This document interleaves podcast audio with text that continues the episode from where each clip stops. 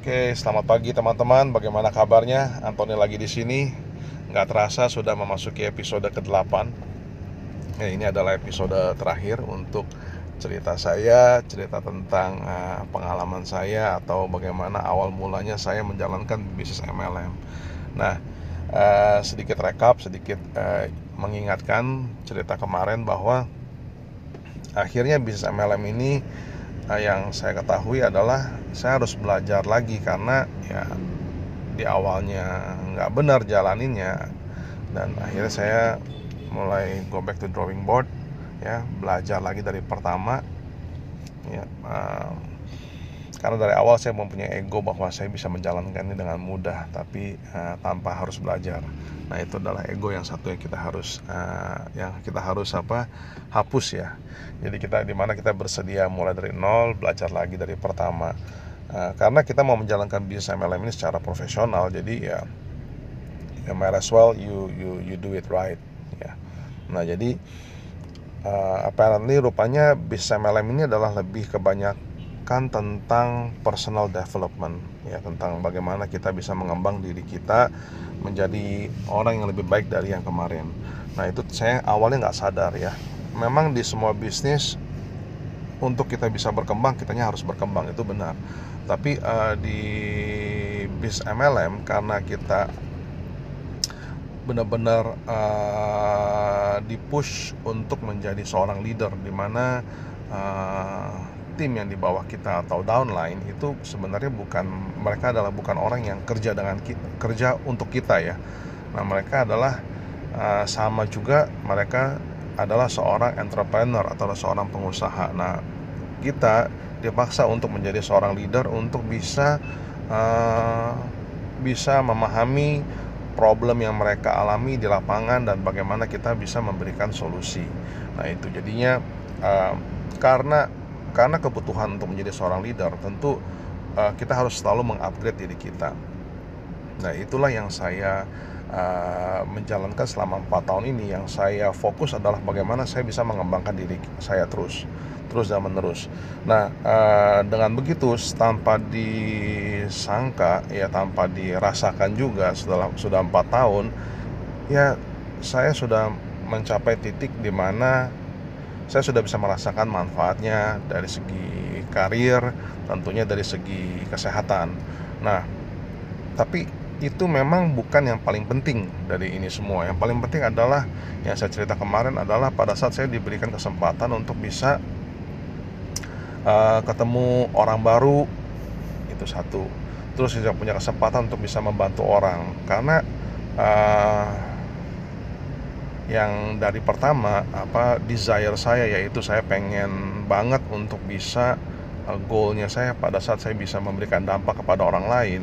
Nah di bisnis MLM ini tanpa disadari itu akhirnya saya bisa memberikan dampak bagi uh, orang-orang uh, yang ya mau kayak orang-orang di sekitar saya ataupun orang-orang yang mungkin awalnya saya tidak kenal ya.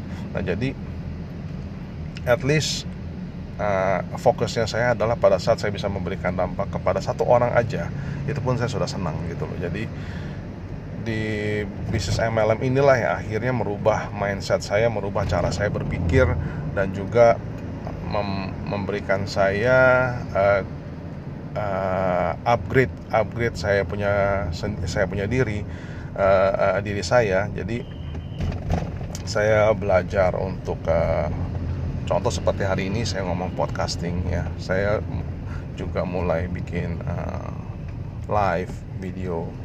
Ya, saya juga bikin uh, public speaking uh, apa kayak presentasi di depan. Ataupun saya saat ini sekarang pun saya uh, mempelajari tentang digital marketing.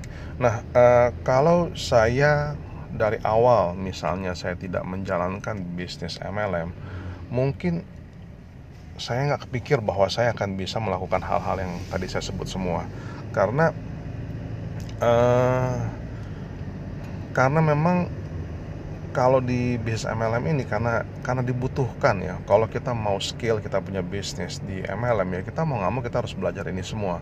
Nah jadi karena itulah akhirnya saya mempelajari skill-skill baru dan saya sangat sangat sangat uh, berterima kasih dan bersyukur saya bisa terekspos di bisnis multi level marketing atau MLM di mana saya akhirnya bisa belajar skill-skill baru dan juga yang paling penting juga saya uh, memberanikan diri untuk me menambah wawasan yaitu dengan menambah network saya.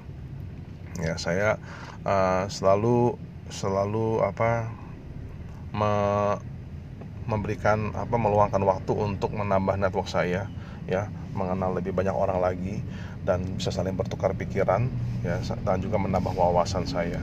Nah, jadi dari sana all in all jadi selama empat tahun saya menjalankan MLM ini akhirnya banyak sekali perubahan-perubahan yang saya dapatkan ya yang di mana saya yang paling sama juga yang satu hal ini saya mau cerita kepada teman-teman semua adalah akhirnya saya bisa menjadi orang yang lebih sabar ya uh, orang yang lebih banyak mendengar uh, mendengar keluhan.